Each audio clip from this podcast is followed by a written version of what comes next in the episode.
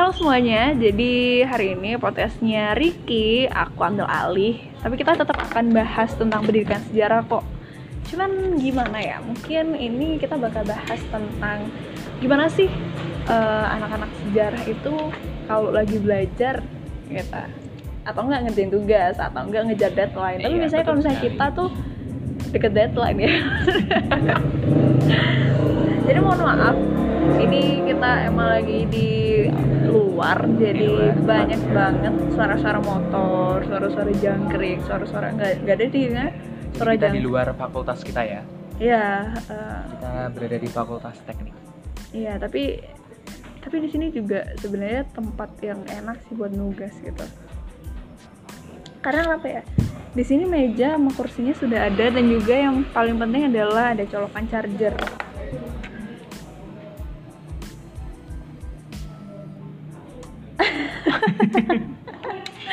Sumpah dead air. Oke, jadi ini Ricky liatin aku waktu twitteran. Jadi aku nugas tuh emang sebenarnya nggak nggak semua orang bisa sih kayak gini nugas dan bisa melakukan Sambil- hal yang lain ya gitu. betul sekali Kalau aku sih bisa-bisa aja ya sama ngobrol lah sama kalau aku mah nggak bisa gue harus sama fokus twitteran ya. atau enggak sama apa namanya WhatsApp kan bisa-bisa aja. Tapi ya gitu ngerjain tugasnya jadi lama. Kalau Ricky tuh orangnya tipenya yang gimana Rik? yang ya gue itu kalau nugas itu yang pertama harus apa ya ada cemilannya yang pertama. Ya ada dan berhubung ini tuh nggak ada cemilan ya?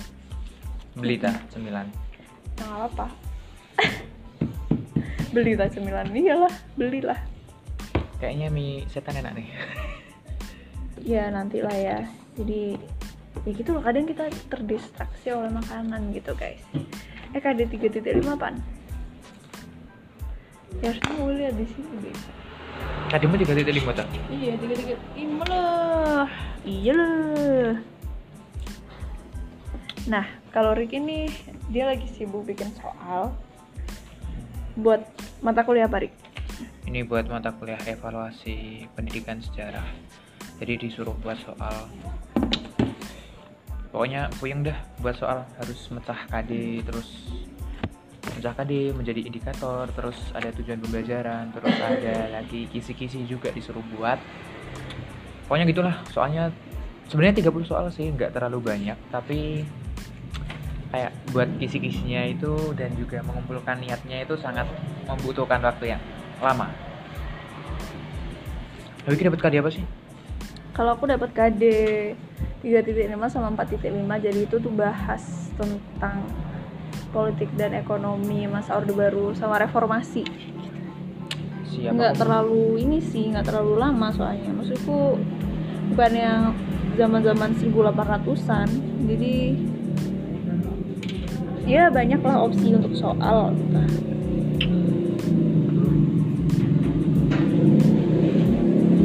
jadi kalau ngomongin sejarah apa sih yang kamu rasain gitu sebagai mahasiswa sejarah Rik? Hmm, yang aduh pokoknya sumber rujukannya itu harus jelas bedah. Kalau nggak jelas itu sama dosen nggak diterima. Itu aja sih. Kalau kita bedain dengan di jurusan yang lain itu kayak apa ya sumber-sumbernya itu dari blogspot, Wikipedia itu boleh-boleh aja. Tapi kalau sejarah mah nggak boleh ya. nggak boleh Nggak boleh dong. nggak boleh iya dong juga sejarah harus faktual harus betul gitu harus apa ya ber- sesuai dengan fakta dan apa ya kalau misalnya ngomongin sejarah itu identik sama bosen ngantuk letih Iya. lunglai itu Ceramah. bener sebenarnya Bener sih. itu benar sebenarnya iya ceramah itu benar sebenarnya. Kita pun di kuliah juga kayak gitu. Tapi tapi itu yang bikin beda ya waktu SMA sama kuliah adalah kalau kuliah ini sejarah itu walaupun membosankan tuh tapi kita paham gitu loh. Iya, tapi kalau SMA tuh kayak udah pergi-pergi. Ngambang. Heeh, bener. Dan apa ya kalau misalnya di kuliah ini jadi lebih tahu gitu kalau sejarah itu ternyata seperti ini. Banyak hal-hal unik di dalam sejarah yang kamu wajib tahu tentunya Kalau dari aku sih bedanya sejarah yang di SMA ya, di SMA sama yang di kuliah itu kalau menurutku itu kalau misalkan di SMA itu kayak guru sejarah itu kayak memfokuskan itu pada kayak tahun tanggal bulan itu kayak benar-benar difokuskan gitu loh. Tapi kalau misalkan di sini tuh kayak lebih kepada apa ya kayak sebab akibat ya. Lebih kepada kayak sebab akibat. Jadinya kayak Iya. masalah tahun tanggal ataupun dari bulan itu ya nggak terlalu dipermasalahkan gitu. Bener bener banget sumpah. Jadi tuh kalau misalnya di SMA tuh guru tuh lebih ngajarin kita buat ngafalin sejarah. Iya dari tahun tapi kalau misalnya kita di kuliah tuh bukan bukan hafal sejarah malah bikin paham sejarah gitu. sejarah sih, bener. bener banget ya tapi pada saat kayak buat soal ini ya ini kan buat soal kan kita? Hah? ya aku buatnya ada soalnya loh. Gimana ini aku buat soal itu yang ada tahunnya buat oh anak gitu. SMA walah. Ya nggak apa-apa sih. Jadi apa ya ternyata jadi anak sejarah itu tidak melulu menghafal membaca. Toh kita kan biasa juga nonton film. Kita sebenarnya banyak yang bisa kita lakukan dalam sejarah. Cuman orang-orang juga belum tahu kan kalau sejarah itu asyik gitu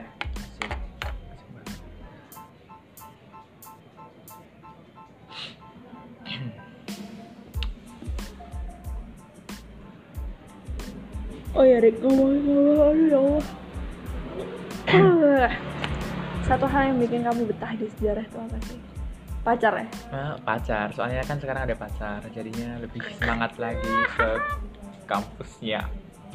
Ya walaupun jarang ketemu kali ya, Ya, jarang apa ketemu. kamu sering Eh, sering ketemu sih di luar kampus. Oh dong oh kamu yang menjumpainya di depan iya kos di depan kos sama ya?